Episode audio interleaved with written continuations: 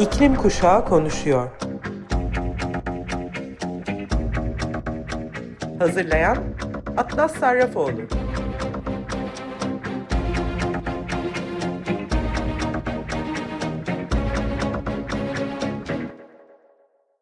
Hepinize merhaba Sayın Açık Radyo dinleyicileri. İklim Kuşağı Konuşuyor programına hepiniz hoş geldiniz.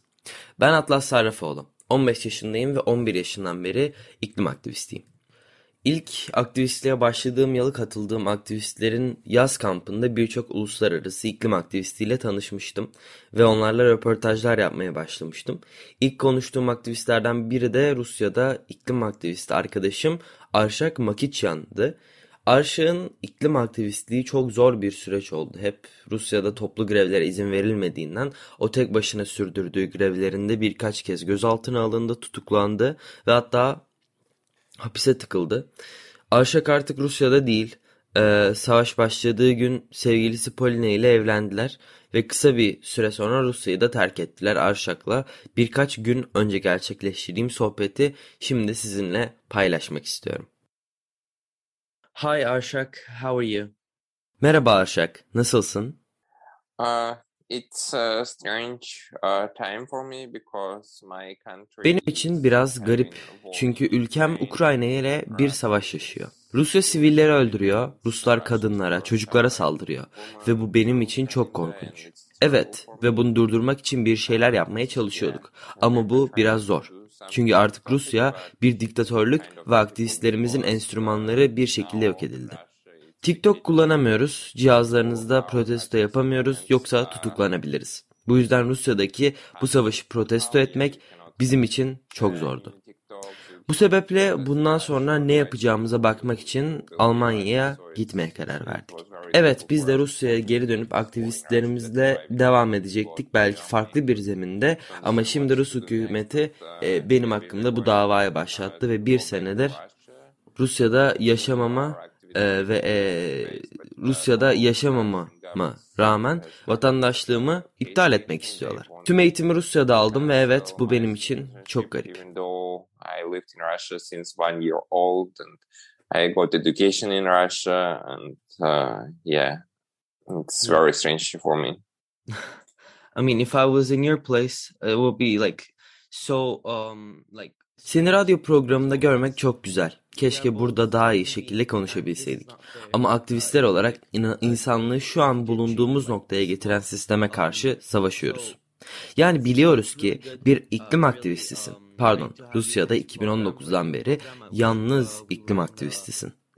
Seni yakından takip ediyorum ve geçen yıl bir noktada fark ettim ki iklim yerine hükümete karşı savaşmaya karar vermişsin. Bunu değiştirmene neden olan o dönemden tam olarak neler oldu, neler geçti başından, neyin yanlış gittiğini gördüm.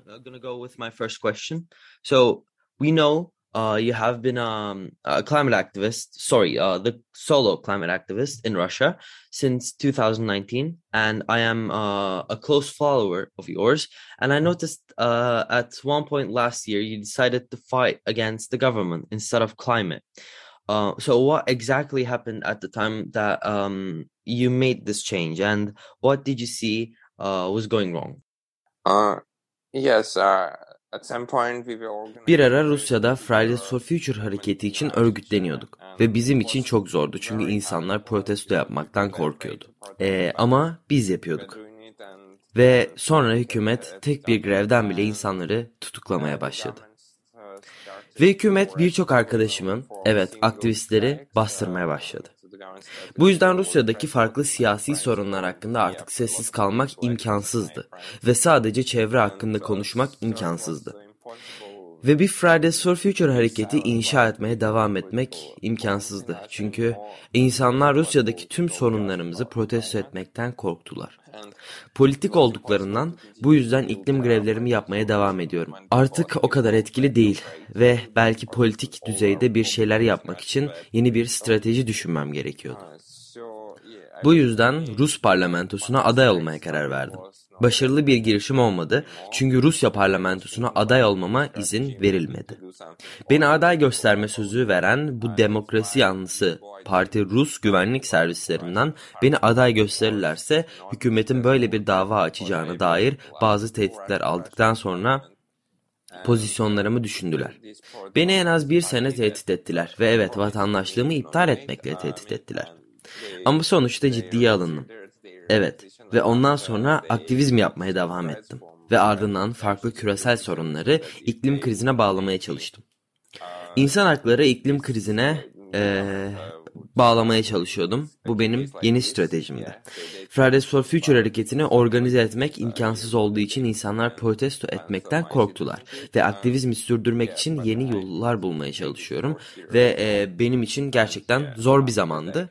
Ve evet bu pandemi boyunca yaklaşık iki sene sürdü.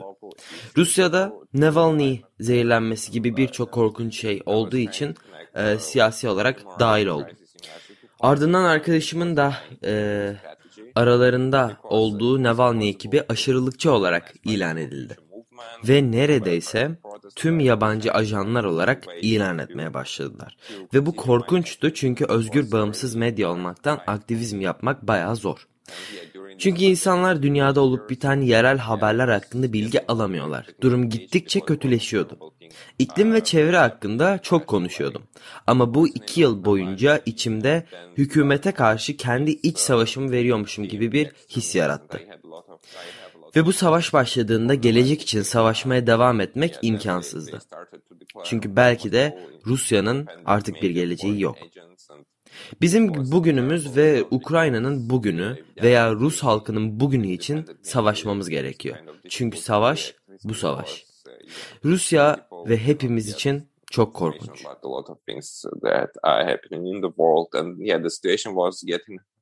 worse and worse and yeah it was yeah i was talking about a lot about climate and about environment but i had this kind of feeling that it's like kind of my own civil war against the government. Uh, yeah, during these two years, and yeah, when this war has started, it's uh, yeah, it's impossible to continue to fight for future because uh, Russia maybe doesn't have a future anymore. We we are continuing to fight now for our present, and yeah, for present of Ukrainian people, for present of Russian people because yeah this war is terrible for Russia for all of us. Yeah, so uh, we were already trying to combat climate crisis. Yani zaten iklim kriziyle mücadele ediyorduk ama şimdi bir de savaş var ve bir sürü şeyler oluyor. Ve bu gerçekten berbat.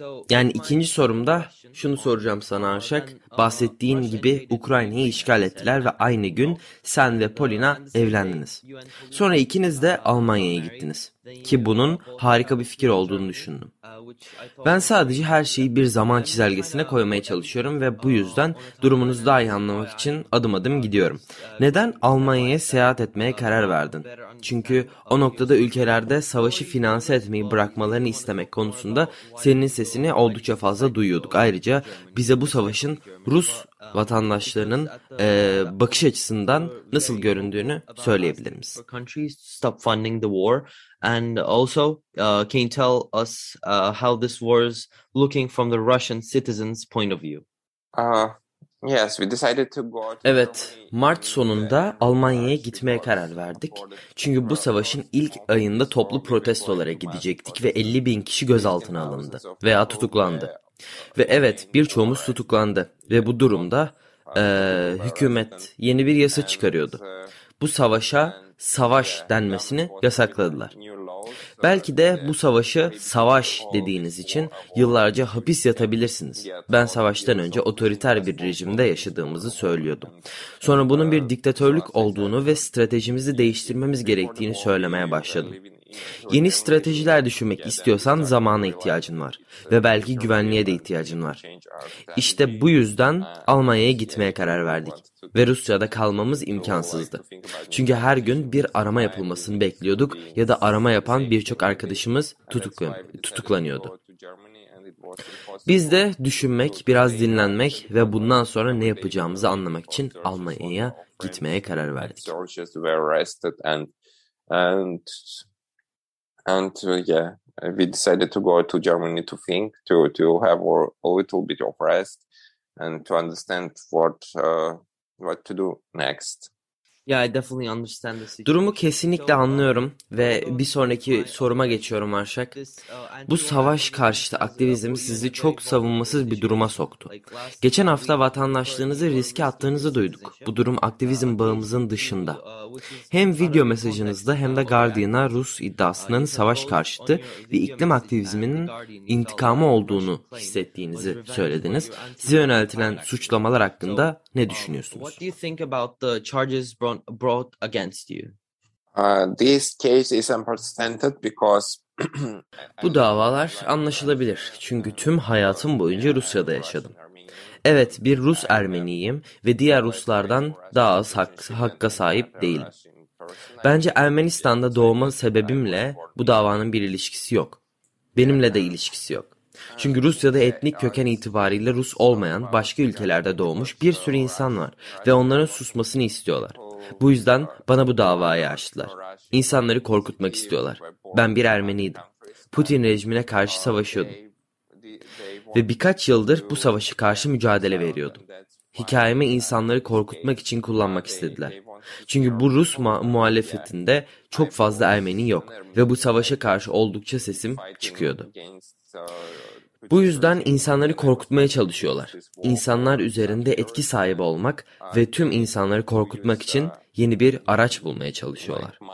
Gördüğünüz gibi bu dava sadece benimle ilgili değil. Evet, aktivistim. İklim krizine karşı savaşıyorum. Farklı şeyler yapıyordum ama Rusya'da o kadar ünlü değilim ve her yerden milyonlarca takipçim yok.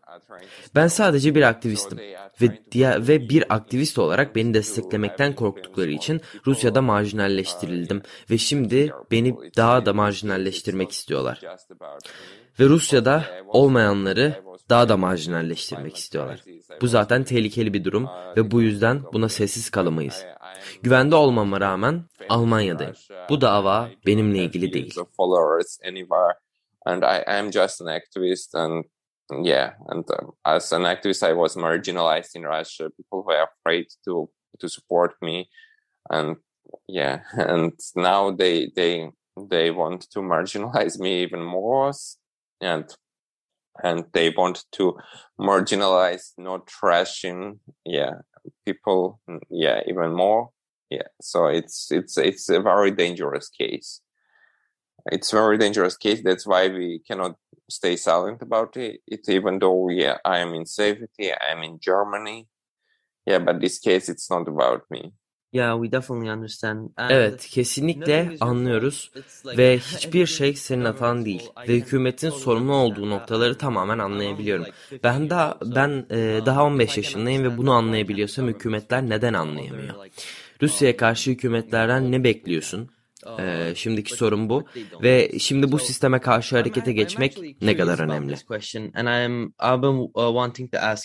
Uh, what would you expect um, from governments to you know how to um, want them to act about Russia, like um, against Russia? How crucial is it act to um, act now against uh, the system? uh Avrupa'da fosil yakıtlara karşı çevresel eyleme geçilmesini talep ediyorduk ve bence bu çok önemli. Çünkü fosil yakıtlar şu anda bu savaşı finanse eden tek şey. Avrupa Rusya'dan çok fazla fosil yakıt alıyor ve Rusya'nın bu savaşı beslemek için çok parası var. Rusya'dan fosil yakıt almayı bırakmamız gerekiyor. Şimdi adil enerji geçişine ihtiyacımız var. Hem de her zamankinden çok daha hızlı. Sadece para değil, bu her şey. Çünkü bugün, belki yarın bu savaşı durdurmamız gerekiyor. Ama 2027'ye kadar değil çünkü bu savaşı mümkün olduğu en kısa sürede durdurmalıyız ve Avrupa'nın ve diğer ülkelerin Putin'in konuşmaya devam etmek için en iyi kişi olmadığı, bu müzakereleri sürdürmeye devam etmek için en iyi adam olmadığı açık olsa da onunla müzakere etmeye devam etmesi benim için garip. Ama bence konuşmak daha önemli. Rusya bildiği Rusya'yı bildiğimiz için insanları, Rus sivil toplumunu kurtarmak için Rus tarihinin bir parçasıyız. Rusya'daki durum üzerinde bir etkimiz olabilir. Ama bunun için çok fazla desteğe ihtiyacımız var. Çok fazla yardıma ihtiyacımız var. Çünkü burada durumumuz biraz zor. Rus sivil toplumunda birçok insan şimdi farklı ülkelerde ve Rusya'da artık yaşamlarını sürdüremiyorlar. Vizeler ve diğer şeyler gibi birçok farklı sorunla uğraşıyoruz. Bence Rus sivil toplumu olarak çalışmalarımıza devam etmek için biraz yardıma ihtiyacımız var. Çünkü Putin bu kadar şeytani iken onunla müzakere etmek garip. we are having a lot of different problems like visas and other stuff in yeah so i think russian civil society now needs some help to continue our work yeah to to influence the situation in russia. We need some help yeah. And yeah i think uh, the government in different countries they need to talk with people from russian civil society with activists from russian civil society uh, yeah because it's strange to continue to negotiate with putin when he is like he is evil yeah Şimdi sıradaki sorum senin cevabınla da ilgili aslında yardıma ihtiyacın olduğunu söyledin. Ee, sen bir violonistsin, bir sanatçı olarak. Lütfen bize bu durumun seni nasıl etkilediğini anlat. Almanya'dayken değerli kemanını satmak istediğini tweet attığını görmüştüm. Bunun sana neden stresle e, geri döndüğünü ve bu stresle nasıl başa çıktığını bizlere anlatabilirsen. Ayrıca yeterince destek ve yardım alıp almadığını da sormak istiyorum. uh, the stress this is causing you and um, I also want to ask do you think you're getting enough support and help as uh, Fridays for Future International hareketinden bir iklim aktivisti olarak farklı insanlardan çok fazla desteğim var ve insanlar beni tanıyor. Bu yüzden çok ayrıcalıklıyım. Eğer durumumu Rusya'daki farklı aktivistlerle karşılaştırıyorsanız evet ama bu benimle ilgili değil. Vatandaşlığımı iptal ederlerse çok sorun yaşarım. Belgelerim olmadan nasıl devam edeceğimi bilmiyorum. Çünkü bu durumda belgelerim geçersiz olacak. Bu yüzden belki bir noktada vatandaşlığımı iptal ettiklerinde biraz desteğe ihtiyacım olabilir. Ama şimdi her şey yolunda. Evet kemanımı sattım çünkü biraz paraya ihtiyacımız vardı. Ama şimdi paramız var. Şimdi bazı çözümler bulabiliriz. Bize yardım edebilecek farklı insanlar var veya arkadaşlarımız var. Şu anda benden daha fazla ihtiya e, daha fazla desteğe ihtiyacı olan birçok Rus aktivist var. Bu yüzden şimdi Rus halkını dinlemenin, onlara ulaşmanın, onlara nasıl yardım edebileceğimizi sormanın çok önemli olduğunu düşünüyorum. Tabii ki Ukraynalı mültecilere yardım etmeme, etmeye devam etmeli. Çünkü Ukra e, çünkü Avrupa'daki Ukrayna'dan giden Ermeni mülteciler de her yerde. Onlara da yardım etmeye devam etmeliyiz. Çünkü bu savaş 3 aydır devam ediyor. Ve bu insanlar evlerini kaybettiler. Şimdi yardımımıza ihtiyaçları var. Daha fazlasını yapmamız gerekiyor ve bu savaş sadece Ru- Rusya ve Ukrayna ile ilgili değil.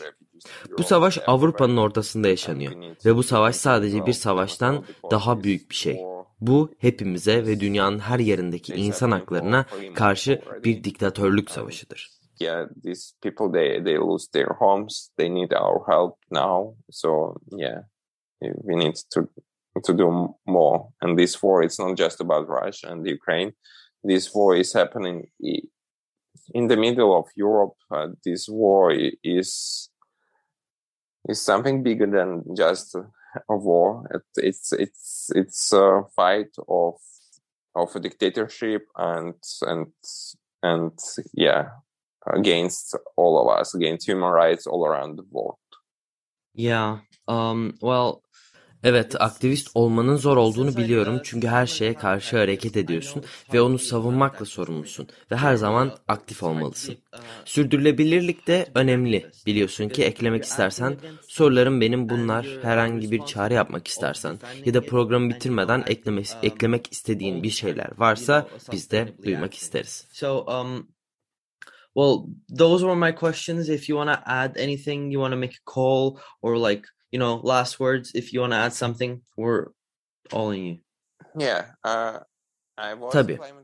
Şimdi hala iklim aktivizmi yapmaya devam ediyorum ve bu savaşı iklim krizine bağlıyorum ve elbette her şey bağlantılı. Dinleyicilerin e, için bunun hakkında konuşmamız harika. Çünkü dediğim gibi bu savaş sadece Rusya ve Ukrayna ile ilgili değil. Son 3 ayda kendimi farklı şeyler hakkında eğitmeye çalışıyorum. İkinci Dünya Savaşı gibi ve 1940'larda Alman sivil toplumuna karşı kullandıkları enstrümanlar hakkında terör topografyası gibi Almanya'daki müzelere gidiyoruz. Hatalarımızı anlamak için biz de farklı müzelere gidiyoruz ve cevapları farklı yerlerde bulmaya çalışıyoruz. Evet, bu ilk Rus savaşı değildi. Ondan önce Rusya Gürcistan'da savaştı. Rusya Suriye'de korkunç bir savaş oynadı. Bundan bahsetmek de çok önemli.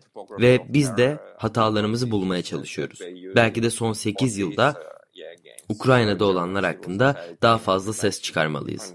Rusya'da da farklı siyasi sorunlar hakkında daha farklı ve daha fazlasını yapmalıyız. Yani evet, bir iklim aktivistiyim ama farklı şeylere sessiz kalamam. Ve sadece iklim krizine değil, bağlantılı her şeyi konuşmaya çalışıyorum. played a terrible role in Syria, and uh, it's it's very important to talk about that as well. And we are trying to find our mistakes as well. Like maybe we should be more vocal about, what was happening, happening in Ukraine during the last eight years. Maybe we should do more about different political problems as well in Russia. So, yeah, I'm a climate activist, but uh, yeah, I cannot be silent about different things, and I'm trying to talk about not just climate crisis but everything. Uh, so um, well, thank you for um. Programıma vakit ayırdığın ve konuk olduğun için çok teşekkürler Arşak ve daha iyi bir dünya, iklim adaletine sahip bir dünya için umut edelim. Şimdilik hoşça kal. Yakında görüşmek dileğiyle. Um, bye for now, Arshak. Hope to see you soon. Thank you. Bye. Teşekkürler. Hoşça kal. Evet Sayın Açık Radyo dinleyicileri iklim adaletinin sağlandığı, artık iklim aktivisti olmak zorunda kalmadığımız bir dünya olsun diliyorum. Gelecek haftaya kadar kendinize ve gezegenimize iyi bakın. Görüşmek üzere.